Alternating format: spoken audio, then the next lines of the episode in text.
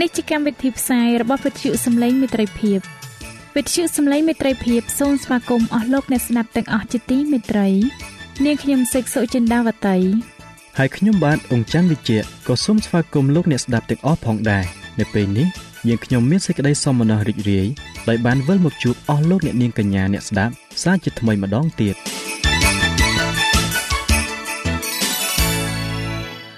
នាងខ្ញុំសេកសុចិន្តាវតី សូមជម្រាបជូនកម្មវិធីផ្សាយដែលមានជាបន្តបន្ទាប់ដូចតទៅនេតិជួបជាមួយព្រះបន្ទូលនេតិសុខភាពចា៎លោកអ្នកស្ដាប់ជាទីមេត្រី នាងខ្ញុំសូមគោរពអញ្ជើញអស់លោកលោកស្រី អ្នកនាងកញ្ញាតាមដានស្ដាប់កម្មវិធីផ្សាយរបស់វិទ្យុយើងខ្ញុំដូចតទៅ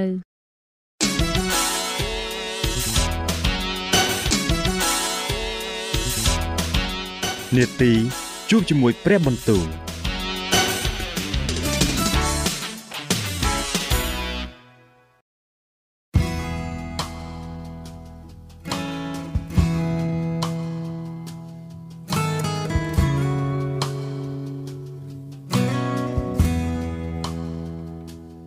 ាអស់លោកអ្នកស្ដាប់ជាទីមេត្រី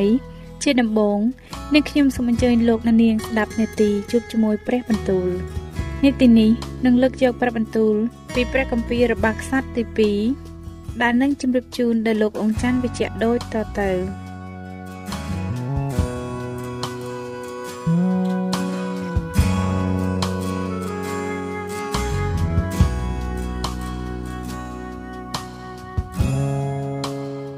ព្រះគម្ពីររបស់ខ្សត្រទី2ចំពុកទី12ការរីករបស់រេហូបោមបានមាំមួនហើយទ្រង់មានអំណាចឡើង នោះទ្រង់នឹងពួកអ៊ីស្រាអែលទាំងអស់ក៏បោះបង់ចោលក្រឹតវិន័យរបស់ព្រះយេហូវ៉ាចេញរួចដល់ឆ្នាំទី5ក្នុងរាជស្ដេចរេហូបោមនោះស៊ីសាជាស្ដេចស្រុកអេស៊ីបបានឡើងមកច្បាំងនឹងក្រុងយេរូសាឡឹមដោយព្រោះគេបានប្រព្រឹត្តរំលងនឹងព្រះយេហូវ៉ាមានទាំងរទេះចម្បាំង1200និងពលសេះ60000នាក់ហើយពលទាហានដែលចេញពីស្រុកអេស៊ីបមកជាមួយនឹងទ្រង់គឺជាពួកសាសលីប៊ីសាសយូគីសាសស៊ូគីនិងសាសអេធីអូពីនោះរាប់មិនបានឡើយ ទ្រង់វាយកបានអស់ទាំងទីក្រុង មានមន្ទីរនៅស្រុកយូដាហើយក៏ឡើងទៅត្រឹមក្រុងយេរូសាឡឹមទៀតគ្រានោះហោរ៉ាសេម៉ាយ៉ាក៏មកឯរេហូបោមនិងពួកមេសាសយូដាដែលបានមួគ្នានៅក្រុងយេរូសាឡឹមដោយព្រុសស៊ីសាលោកមានវិចារថាព្រះយេហូវ៉ាទ្រង់មានបន្ទូលដូច្នេះឯងរាល់គ្នាបានបោះបង់ចោលអញហេតុនោះបានជាអញទុកឯងរាល់គ្នាចោលនៅក្នុងកំដាប់ដៃនៃស៊ីសាដូច្នេះពួកមេនៃសាសអ៊ីស្រាអែលនិងស្ដេចក៏បន្ទាបខ្លួនចោះពោលថា ព្រះយេហូវ៉ាទ្រង់សុចរិតរួចការព្រះយេហូវ៉ាទ្រង់ឃើញថាគេបន្ទាបខ្លួនដូច្នោះនោះព្រះបន្ទូលនៃព្រះយេហូវ៉ាក៏មកដល់សេម៉ាយ៉ាថា គេបានបន្ទាបខ្លួនហើយដូច្នេះអញនឹងមិនបំផ្លាញគេទេ តែបន្តិចទៀតអញនឹងប្រោះឲ្យគេរួចហើយអញមិនចាក់សេចក្តីក្រោធរបស់អញទៅលើក្រុងយេរូសាឡឹមដោយសារដៃស៊ីសាឡើយប៉ុន្តែគេនឹងត្រូវចំណោះទ្រង់វិញដើម្បីឲ្យគេអាចនឹងផ្ទឹមការបម្រើដល់អញ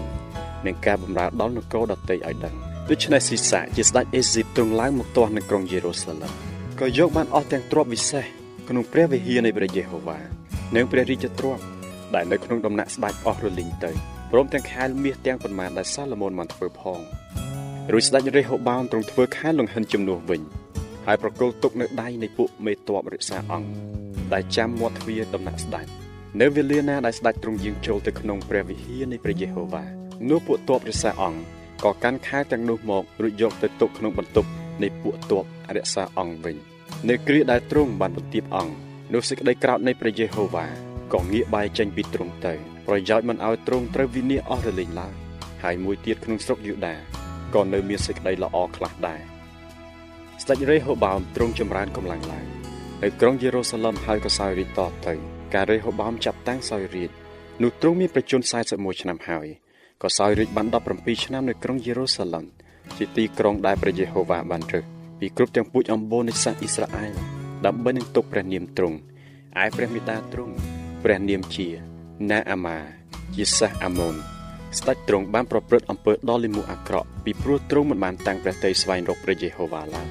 រីឯដំណើរទាំងប៉ុន្មានពីរេហូបោមទាំងមុនទាំងក្រោយនោះសុទ្ធតែបានកត់ទុកក្នុងពងសាយវតា តែហោរ៉ាសេម៉ាយ៉ានិងអ៊ីដាវជាអ្នកមើលឆុតបានតែងតាមរបៀបរឿងរ៉ាវតតមកហើយចំណែករេហូបោមនិងយេរូបោមទ្រង់ចេះតែច្បាំងគ្នាជានិច្ចហរេហូបោមក៏ផ្ទុំលក់ទៅជាមួយនឹងពួកអាយកោទ្រង់ទៅហើយគេបញ្ចុះសពទ្រង់នៅក្នុងក្រុងដាវីតរួចអាប៊ីយ៉ាជាព្រះរាជបុត្រាក៏ឡើងសោយរាជជំនួសព្រះបិតាព្រះគម្ពីររបស់ខ្សត្រទី2ចំពុកទី13 នៅឆ្នាំទី18ក្នុងរាជស្ដេចរេហូបោមនោះអាប៊ីយ៉ាចាប់តាំងសោយរាជឡើងលើស្រុកយូដាទ្រង់ក៏សោយរាជ3ឆ្នាំនៅក្រុងយេរូសាឡឹមព្រះមេដាទ្រង់ព្រះនាមជាមីកាយ៉ាជាបុត្រីអូរៀលអ្នកក្រុងគីបៀអាប៊ីយ៉ានិងយេរ៉េបាមក៏ច្បាំងគ្នាដែរហើយអាប៊ីយ៉ាទ្រង់ចាប់តាំងតចម្បាំងមានពលទ័ពសុទ្ធតែមនុស្សថ្នឹកចម្បាំងហើយជ្រើសរើសមានចិត្តក្លាហានចំនួន4សែននាក់ហើយយេរ៉ូបាមក៏តម្រៀបទ័ពច្បាំងនឹងទ្រង់ មានមនុស្សជ្រើសរើសហើយក្លាហាន8សែននាក់ហើយអាប៊ីយ៉ាទ្រង់ឈរនៅលើភ្នំសេម៉ារ៉ែមដែលនៅស្រុកភ្នំអេប្រាអឹមមានបន្ទូលថាឲ្យយេរូបោមនិងពួកអ៊ីស្រាអែលទាំងអស់គ្នាអើយចូលស្ដាប់ចោះគួរឲ្យឯងរាល់គ្នាដឹងថាព្រះយេហូវ៉ាជាព្រះនៃសាសអ៊ីស្រាអែលបានប្រទានអំណាចលើសាសអ៊ីស្រាអែលដល់ដាវីតឲ្យសោយរាជជាដរាបទៅ គឺដល់ទ្រង់នឹងវង្សានុវង្សរបស់ទ្រង់តទៅ តាមសេចក្តីសញ្ញាដែលតាំងដោយអំបិលប៉ុន្តែយេរូបោម ជាកូននៃបាទដែលជាអ្នកបម្រើរបស់សាឡូមោនបុត្រាដាវីតវាបានលើកខ្លួនឡើងបះបោនឹងចាវាយរបស់ខ្លួនហើយមានមនុស្សជាអាសាអិតកានិងមនុស្សចៅមសៀតបានរួមគ្នា ជាមួយនឹងវាចម្រើនកម្លាំងឡើងទាស់នឹងរេហូបោមជាបុត្រាសាឡូមោនក្នុងកាលដែលរេហូបោមនៅខ្ចីគំនិតហើយចិត្តទុនមិនអាចទប់នឹងគេបានឡើយឥឡូវនេះឯងរាល់គ្នាគិតតតាំងនឹងនគររបស់ព្រះយេហូវ៉ា ដែលនៅក្នុងអំណាចកូនចៅដាវីតទៀតឯងរាល់គ្នាមានគ្នាសន្ធឹកណាស់ហើយកូនកូមាសដែលយេរូបោមបានធ្វើទុកជាព្រះរបស់ឯងក៏នៅជាមួយនឹងឯងដែរតើឯងរាល់គ្នាមិនបានបណ្ដេញពួកសង្ឃផងព្រះយេហូវ៉ាគឺជាពួកកូនចៅអេរ៉ុននិងពួកលេវីចេញហើយបានតាំងពួកអ្នកដតីឲ្យធ្វើជាពួកសង្ឃតាមរបៀបអស់ទាំងសាសដតីទេឬអីដល់ម្លេះបានជាអ្នកណាក៏ដោយដែលយកគោស្ទៀវនិងជាមឈ្មោះ7មកចង់បំពោះខ្លួន នោះនឹងបានធ្វើជាសង្ឃដល់ព្រះទាំងនោះដែលមិនមែនជាព្រះទេក៏បានតែខាងឲ្យយើងរាល់គ្នាវិញ គឺព្រះយេហូវ៉ាជាព្រះនៃយើងយើងរាល់គ្នាមិនបានបោះបង់ចោលទ្រង់ទេ យើងមានពួកសង្ឃជាពួកកូនចៅអេរ៉ុននិងពួកលេវីដែលធ្វើការថ្វាយព្រះយេហូវ៉ាវិញរាល់តែព្រឹកល្ងាចគេតែងដុតដង្វាយដុតនឹងគ្រឿងក្រអូបថ្វាយព្រះយេហូវ៉ាជានិច្ចក៏រៀបនំប៉័ងតាំងទុកដាក់លើតុបរិសុទ្ធព្រមទាំងថែជើងចង្គៀងមាសនិងចង្គៀងទាំងប៉ុន្មានដែលសម្រាប់ដុតរាល់តែល្ងាច ត្បិតយើងរាល់គ្នារក្សាបញ្ញារបស់ព្រះយេហូវ៉ាជាព្រះនៃយើង តែឯឯងរាល់គ្នាបានបោះបង់ចោលទ្រង់វិញហើយមើលព្រះទ្រង់គង់ជាមួយក៏ជាអ្នកនាំមុខយើងពួកសង្ឃរបស់ទ្រង់ក៏កាន់ត្រែសម្រាប់នឹងផ្លុំឲ្យស្លន់ឡើងទាស់នឹងឯងរាល់គ្នាអោពួកកូនចៅអ៊ីស្រាអែលអើយកុំឲ្យច្បាស់នឹងព្រះយេហូវ៉ាជាព្រះនៃពួកឯងចកោឯងរាល់គ្នាឡើយពីព្រោះឯងរាល់គ្នាមិនចម្រើនទេ តែឯជារូបោមទ្រង់ចាត់ពួកទ័ពបង្កប់ឲ្យវៀងទៅខាងក្រោយ ដូច្នេះមានពួកគេនៅពីខាងមុខនិងពួកទ័ពបង្កប់នៅពីខាងក្រោយនៃពួកយូដាកាលពួកយូដាបានក្រឡេកបែរមើលទៅក្រោយនោះក៏ឃើញមានចម្បាំងពីមុខពីក្រោយដូច្នេះគេក៏អំពាវនាវដល់ព្រះយេហូវ៉ាហើយពួកសង្ឃក៏ផ្លុំត្រែឡើងពួកទ័ពយូដាគេស្រែកឡើងហើយកំពុងតែពួកយូដាស្រែកឡើងដូច្នោះនោះព្រះទ្រង់ក៏វាយយេរូបោមនិងពួកអ៊ីស្រាអែលទាំងអស់នៅមុខអាប៊ីយ៉ានិងពួកយូដាពួកកូនចៅអ៊ីស្រាអែល គេបាក់ទ័ពរត់ពីមុខពួកយូដា ហើយព្រះទ្រង់ប្រគល់គេមកក្នុងកម្ដាប់ដៃនៃពួកយូដាអាប៊ីយ៉ានិងពួកទ័ពទ្រង់ក៏ប្រហារសម្លាប់គេយ៉ាងសម្បើមមានពួកអ៊ីស្រាអែលសុទ្ធតែជាមនុស្សជ្រើសរើសបានដួលស្លាប់អស់5សែននាក់នៅវេលានោះពួកកូនចៅអ៊ីស្រាអែលត្រូវក្រាបចុះឯពួកកូនចៅយូដាគេមានជ័យជំនះដោយព្រោះគេបានពឹងដល់ព្រះយេហូវ៉ាជាព្រះនៃពួកអាយកោគេអាប៊ីយ៉ាទ្រង់ដេញតាមយេរូបោម ដណ្ដើមយកបានទីក្រុងខ្លះរបស់ទ្រង់គឺក្រុងបេតអែលនិងតំបន់នៅជុំវិញក្រុងយេសាណានិងតំបន់នៅជុំវិញ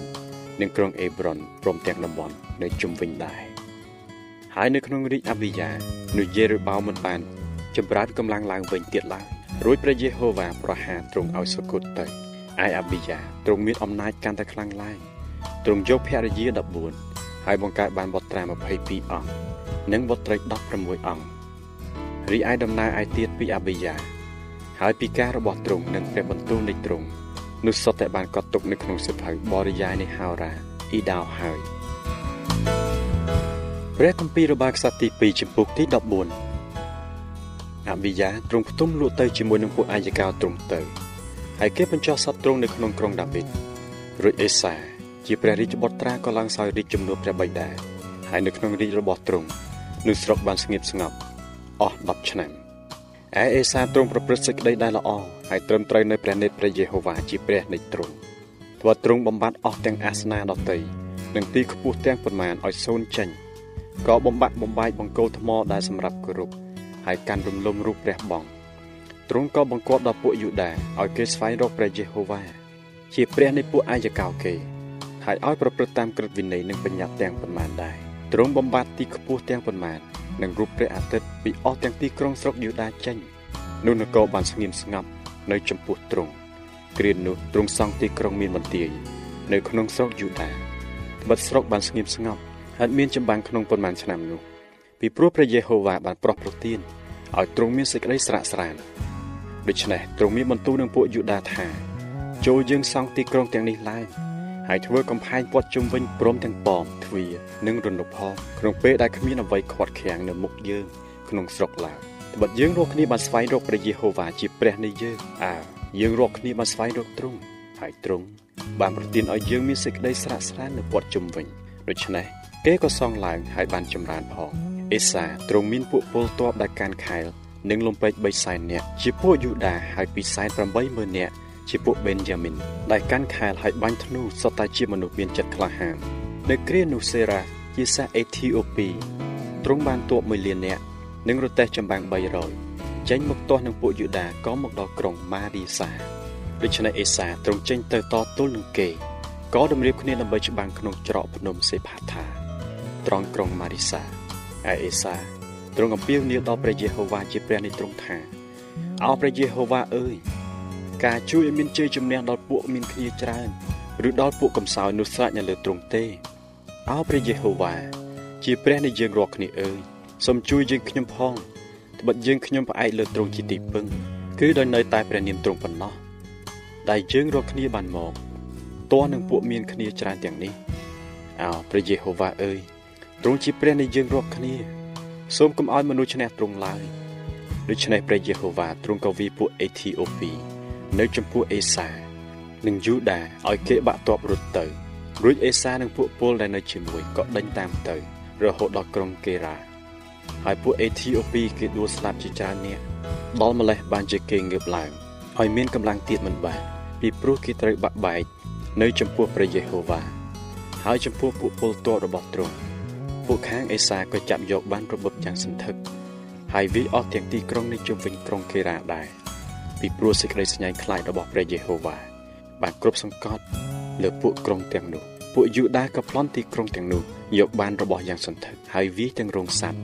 នាំយកបានជាមជាបរិបូរព្រមទាំងអូតផងរួចត្រឡប់ទៅឯក្រុងយេរូសាឡឹមវិញ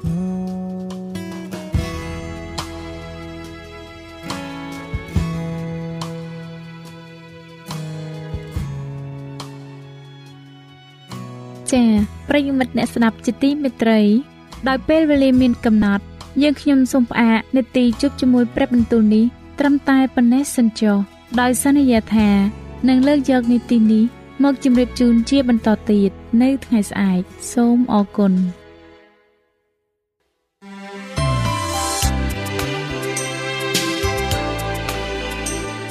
វិទ្យុសំឡេងមេត្រីភាព AWR នាំមកជូនលោកអ្នកនៅសារនៃសេចក្តីស្រឡាញ់ពីព្រះអង្គម្ចាស់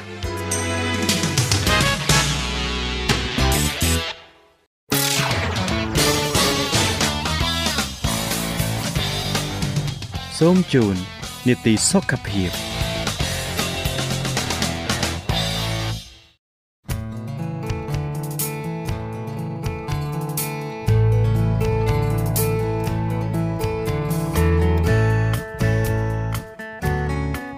ា៎នៅក្នុងនីតិសុខភាពនៅថ្ងៃនេះនាងខ្ញុំសូមគោរពអញ្ជើញអស់លោកអ្នកនាងតាមដានស្ដាប់មេរៀនសុខភាពដែលនឹងជម្រាបជូនដោយកញ្ញាឌីណាដូចតទៅ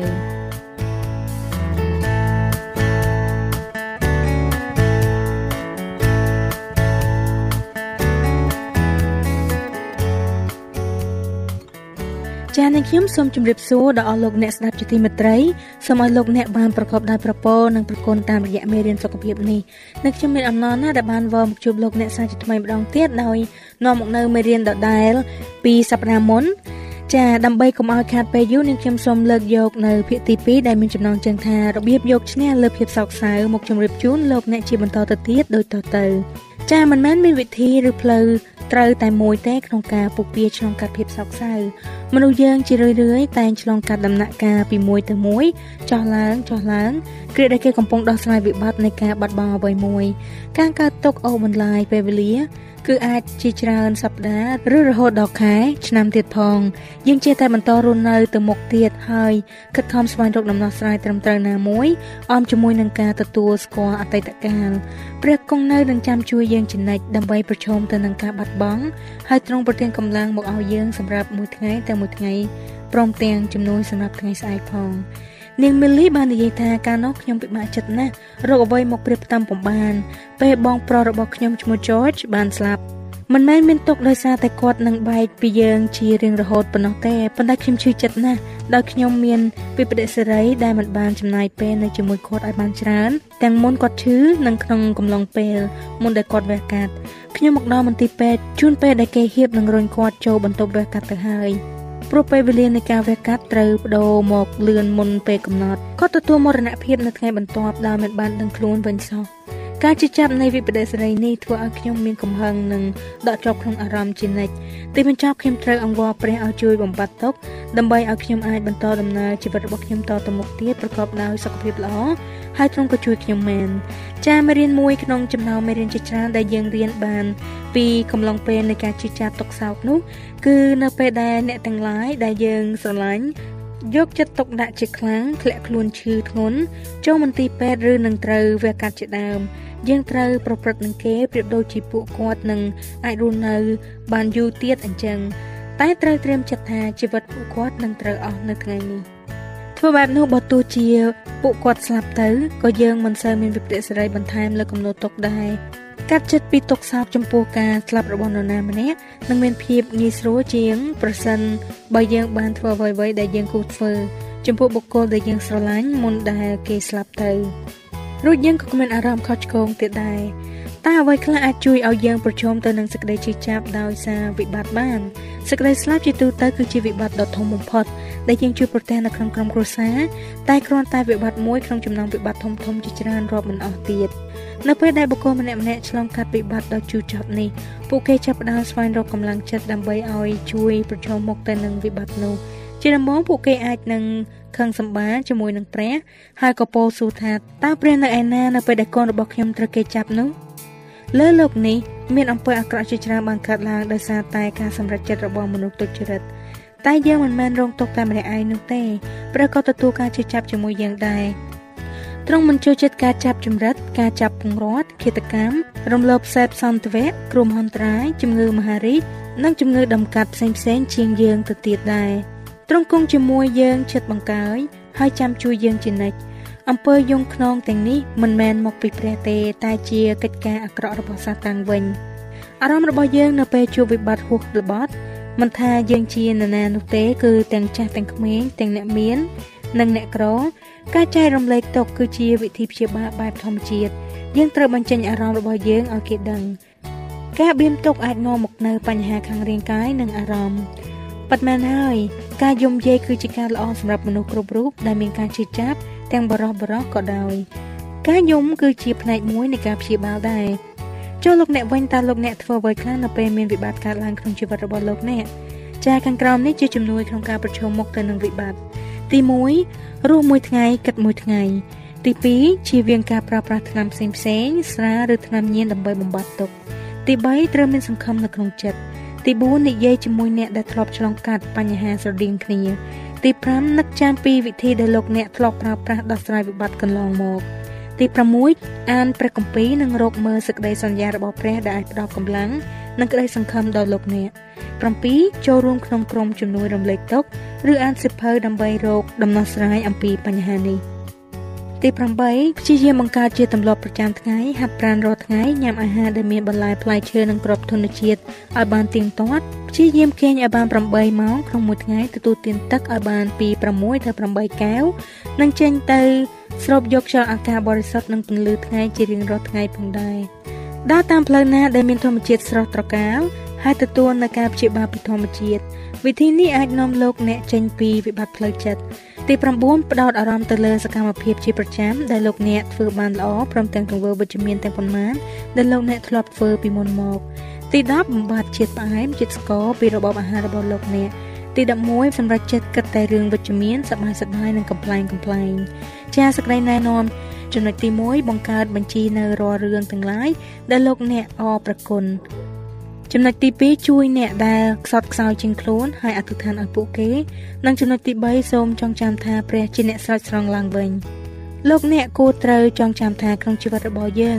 យើងគឺជាអ្នកផ្ដល់ឲ្យហើយយើងក៏ជាអ្នកទទួលយកដែរថ្ងៃនេះអាចថាយើងជួយនរណាម្នាក់តែថ្ងៃស្អែកពួកគេនឹងជួយយើងវិញក្នុងគ្រាមានវិបត្តិបានដែរ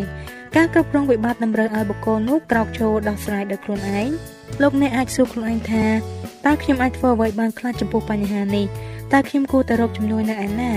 តើធ្វើដូចម្តេចទើបខ្ញុំអាចគ្រប់គ្រងអារម្មណ៍របស់ខ្លួនឯងបាន ដើម្បីឲ្យខ្ញុំទទួលចិត្តសុខសាន្តហើយមិនបំផ្លាញសុខភាពខ្លួនឯងនោះតើសេចក្តីជំនឿរបស់ខ្ញុំអាចជួយខ្ញុំអ្វីខ្លះក្នុងស្ថានភាពបែបនេះពេលជួយក្មេងៗដែលមានវិបត្តិចូលចងចាំថាក្មេងៗមានការភ័យខ្លាចក្មេងម្នាក់រស់នៅក្នុងទីក្រុងមួយបានសួរថាតើគេនឹងសម្លាប់ខ្ញុំនៅពេលណា ហើយតើពួកគេនឹងចាប់យកឪពុកម្ដាយខ្ញុំចេញឆ្ងាយពីខ្ញុំនៅពេលណាចាខាងក្រោមនេះគឺជាយោបល់ខ្លះៗសម្រាប់ឪពុកម្ដាយឬអាណាព្យាបាលដែលមើលថែក្មេងៗដែលមានវិបត្តិចំណុចទី1គឺបិទទូរទស្សន៍ បើសិនជាមានគ្រោះមហន្តរាយផ្សាយនៅលើកញ្ចក់ទូរទស្សន៍ចំណុចទី2លើកទឹកចិត្តក្មេងៗកុំឲ្យមានអារម្មណ៍ភ័យខ្លាចទៀតហើយយើងត្រូវស្ដាប់ពួកគេចំណុចទី3បង្កើតគម្រោងថ្មីសម្រាប់អនាគតចំណុចទី4បង្ហាញក្មេងៗថាលោកអ្នកតែងនៅចាំជួយពួកគេជានិច្ចចំណុចទី5រួមបញ្ចូលនៅតំណែងតំណងតាមរយៈការប៉ះពាល់ផងដូចជាការអោបបីត្រកងជាដើមចំណុចទី6ជួងកូនកូនត្រឡប់ទៅសាលារៀនវិញ និងឲ្យគេចូលរួមកម្មវិធីផ្សេងផ្សេងទៀតចំណុចទី7ផ្ដល់ប្រឹក្សាប្រកបដោយវិជ្ជាជីវៈចាំមនុស្សយើងម្នាក់ម្នាក់ពិតជាជាមិនរួចពីវិបត្តិនៃជីវិតនោះទេជីវិតរបស់មនុស្សម្នាក់ម្នាក់ជួបប្រទះវិបត្តិជាច្រើនគឺច្រើនជាងចំនួនដែលយើងសមនឹងទទួលទៅទៀតផងយើងនឹងលើកយកតែករណីមួយចំនួនដូចជា ការធ្វើឃាតកម្មការលែងលះគ្នានិងជំងឺមហារីកប៉ុន្តែមានករណីជាច្រើនទៀតដែលជឿចាប់ជាខ្លាំងចាសសូមលោកអ្នកស្ដាប់ពីវិបត្តិគ្រួសារដែល ជួបរឿងឃាតកម្មមួយសិនរៀងរាល់ឆ្នាំមានមនុស្សជាច្រើនបានស្លាប់ដោយសារតែការធ្វើឃាតកម្មបន្សល់ទុកមកវិញនៅក្តីជឿចាប់សោកសៅក្រៀមក្រំបំផុតដល់ក្រុមគ្រួសារនិងមិត្តភ័ក្តិរៀងរាល់ឆ្នាំនៅសហរដ្ឋអាមេរិកមានមនុស្សដល់ទៅ30000នាក់បានស្លាប់ដោយការធ្វើឃាតកម្ម ការធ្វើឃាតកម្មជាទូទៅបណ្ដាលមកពីការជឿចាប់និងក្តីអស់សង្ឃឹមការធ្វើអត្តឃាតងាយនឹងកើតឡើងនៅពេលដែលមនុស្សម្នាក់មានការស្រេកឃ្លានឬក៏ហត់នឿយខ្លាំងចាមិនថាយើងជួបបញ្ហាអ្វីនោះទេជីវិតរបស់យើងមានតម្លៃឥតគណនាដែលមានជំនួយពីព្រះយើងអាចស្វែងរកជំនួយនិងមធ្យោបាយដើម្បីដោះស្រាយលើបញ្ហាទាំងអស់នេះបានចាសូមលោកអ្នកស្ដាប់ពីវិបត្តិនៃការលេងលះនិងការប្រត់ប្រាស់វិញម្ដង វិបត្តិដ៏ធំបំផុតមួយនៅក្នុងគ្រួសារនាសម័យទំនើបនេះគឺជាការលេងលះគ្នាបញ្ហានេះបាននាំមកនូវភាពជឿចាប់ចំពោះក្រុមគ្រួសារឥតឈប់ឈរថ្ងៃនេះប្តីឬប្រពន្ធរបស់អ្នកគឺជាមិត្តភក្តិជិតស្និទ្ធនិងជាដៃគូស្នេហា តែថ្ងៃស្អែកគេដើរចេញពីជីវិតរបស់អ្នកបន្សល់ទុកឲ្យអ្នកតែភាពក្រៀមក្រំការបាត់បង់ជំនឿនិងភាពឯកាតែប៉ុណ្ណោះការបាត់បង់ខ្លះដែលគ្រួសាររងការជិះចាប់បណ្ដាលមកពី វិបត្តិលីងលះនេះមានដូចជាបាត់បង់ក្តីស្រមៃក្តីសង្ឃឹមរលាអស់បាត់បង់តួនាទីជាអាណាព្យាបាលការបាត់បង់នូវភាពពេញលេញជាក្រុមគ្រួសារទាំងមូលបាត់បង់មិត្តភ័ក្តិនិងដៃគូជំនួញបាត់បង់លុយកាក់និងទ្រព្យសម្បត្តិបាត់បង់ភាពជិតស្និទ្ធអណ្ដែតអណ្ដូងចង់មានអ្នកថែរក្សាមិត្តភ័ក្តិជិតស្និទ្ធត្រូវជ្រើសរើសយកភិក្ខីណាមួយនិងចំណុចពិសេសចុងក្រោយគឺគ្រួសារបែកបាក់គ្នាក៏ដោយសារតែគ្រួសារខ្វះទំនាក់ទំនង ខ្វះភាពកក់ក្ដៅមិនយល់ចិត្តគ្នាមិននិយាយគ្នារោគដំណោះស្រាយបើនៅប្រទេសកម្ពុជាយើងសពថ្ងៃវិបត្តិគ្រួសារកើតឡើងច្រើនដោយសារតែគ្រឿងស្រវឹងនិងលបែងពីលាដែលបានកើតឡើងស្ទើរគ្រប់ទីកន្លែងនៃផ្ទៃប្រទេសចាស្ត្រីដែលជួបនឹងការលែងលះនៅសហរដ្ឋអាមេរិកប្រឈមមុខទៅនឹងការធ្លាក់ចុះកម្រិតនៃជីវភាព30%ជាមធ្យមឯបរិវវិញខំប្រឹងប្រែងថែរក្សាគ្រួសារដល់ទៅ2ខុសពីមុនការលែងលះគ្នាគឺជាវិបត្តិដ៏ធ្ងន់ធ្ងរមួយ ផលប៉ះពាល់នោះគឺបន្ថែមទំនួលខុសត្រូវនិងបន្ថយពេលទំនេរការជឿចាប់ធ្ងន់ធ្ងរខ្លះបណ្ដាលមកពីការប្រឆាតំណែងតំណងនៅក្នុងក្រុមគ្រួសារមនុស្សល្អធ្វើឲ្យមនុស្សល្អទទួលការជឿចាប់សមាជិកគ្រួសារធ្វើឲ្យសមាជិកគ្រួសារជឿចាប់យើងប្រាថ្នាចង់បានអារម្មណ៍ផ្សះផ្សាតែជាទូទៅលំបាកណាស់ព្រោះនៅពេលដែលអត្តចរិតរបស់យើងខុសប្លែកពីគ្នាហើយការចង់បាននិងការយល់ច្រឡំក៏មានទំហំធំធេងទៀត បើសិនជាលោកអ្នកចង់បានភាពធូរស្រាលពីការឈឺចាប់ត្រូវចាប់ផ្ដើមព្យាបាលផ្លូវអារម្មណ៍ជាមុនសិនដោយធ្វើតាមវិធីមួយ វិធីមួយនេះឯងគឺជាការអភ័យទោសគ្មានចំណងអភិភិពានណាដែលល្អឥតខ្ចោះនោះទេ គ្រប់គូស្នេហ៍ទាំងអស់សុទ្ធតែត្រូវការខំប្រឹងប្រែងបង្កើតសម្ព័ន្ធភាពដើម្បីឲ្យមានសម្ព័ន្ធភាពនិងការពេញចិត្តរវាងគ្នានិងគ្នាអស់មួយជីវិតជាទូទៅអភិភិពាគឺជាដំណើរការនិងការដោះខាត់ក្នុងជីវិតអភិភិពាបង្រៀនយើងមិនឲ្យមានភាពអាត្មានិយមហើយនៅថ្ងៃក្រោយយើងនឹងឃើញពីគុណតម្លៃនៃការរៀននោះ សម្រាប់អ្នកខ្លះពួកគេហាក់បីដូចជាសុខចិត្តជ្រើសរើសយកការលេងលះដែលបន្សល់ទុកនូវការឈឺចាប់ជាច្រើនជាជាងសុខចិត្តឆ្លងកាត់ការឈឺចាប់នៃការដោះខាត់និងការស្អាងអត្តចរិតរបស់មនុស្សពីអ្នកទៅវិញ ចាអរគុណអ្នកស្ដាប់ជាទីមេត្រីពេលវេលានៃនេតិសុខភាពរបស់យើងបានមកដល់ទីបញ្ចប់ហើយនេះខ្ញុំនឹងវិលមកជួបលោកអ្នកវិញតាមពេលវេលានៅម៉ោងដដែលដែលបានពំនាំនៅភាគទី3នៃមេរៀនដដែលនេះមកជូនលោកអ្នកស្ដាប់នៅសប្ដាហ៍ក្រោយទៀតចាដូច្នេះសូមអរប្រជាម្ចាស់ប្រទានពរដល់អស់លោកអ្នកបងប្អូនទាំងអស់គ្នាសម្រាប់ពេលនេះនឹងខ្ញុំឌីណាសូមអរគុណសូមជម្រាបលា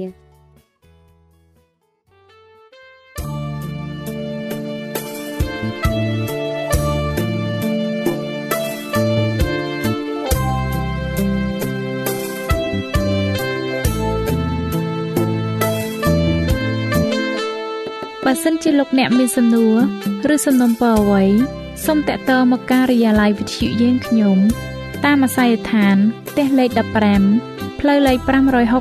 568សង្កាត់បឹងកក់2ខណ្ឌទួលគោករាជធានីភ្នំពេញ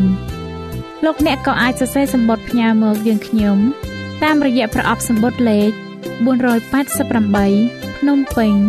ឬតាមទូរស័ព្ទលេខ012 34 96 64ឬ097 80 81 060ឬក៏តាមរយៈអ៊ីមែល vol@awr.org យើងខ្ញុំរងចាំទទួលស្វាគមន៍អស់លោកអ្នកនាងដោយក្តីសោមនស្សរីករាយហើយលោកអ្នកក៏អាចស្ដាប់កម្មវិធីនេះឡើងវិញដោយចូលទៅកាន់ website របស់វិទ្យុយើងខ្ញុំ តាមរយៈអាស័យដ្ឋាន www.awr.org